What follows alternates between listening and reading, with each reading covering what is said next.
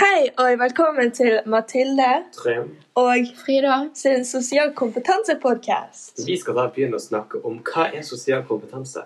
Ja, sosial kompetanse handler om evnen vår til å omgås andre mennesker. Ja, og det finnes jo også ganske mange forskjellige definisjoner på hva som virkelig definerer sosial kompetanse.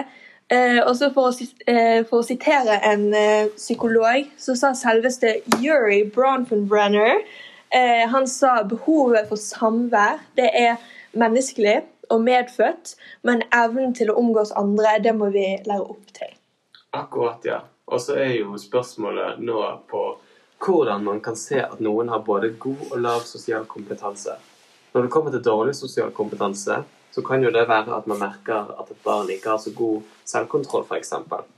Og, eh, eller at de ikke viser så god medfølelse eller forståelse og empati for andre. Også f.eks. konsekvensene med å ha lav sosial kompetanse, det er jo at man generelt kan utvikle bl.a. angst, mistillit og så kanskje dårlig selvbilde. Ja, God sosial, sosial kompetanse det er jo eksempel at man har god selvkontroll, empati og omsorg for andre mennesker, og at man har god selvhevdelse. Noen gode tiltak som oss som buer kan jobbe med, er f.eks. å vise empati. Når vi viser empati, så lærer barna hvordan de skal være empatiske. Og så ser jo de på oss som De ser jo, oss, de ser jo på oss i bua som rollemodeller, og så ser jo de opp til oss.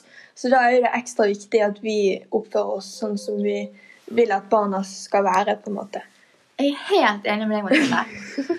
Når det kommer til selvkontroll, så er det viktig å kunne utsette egne behov, som å snakke med venninner eller snakke om å ha kosekvelder, til etter man er ferdig med f.eks. skolearbeid. For hvis man ikke klarer å utsette slike behov, blir man ikke ferdig med skolearbeidet, og man leverer ting for seint. Ja, det er gode punkter å følge.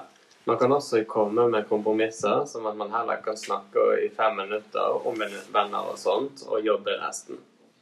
Helt enig. Helt enig. Helt enig. Takk for oss. Takk for oss.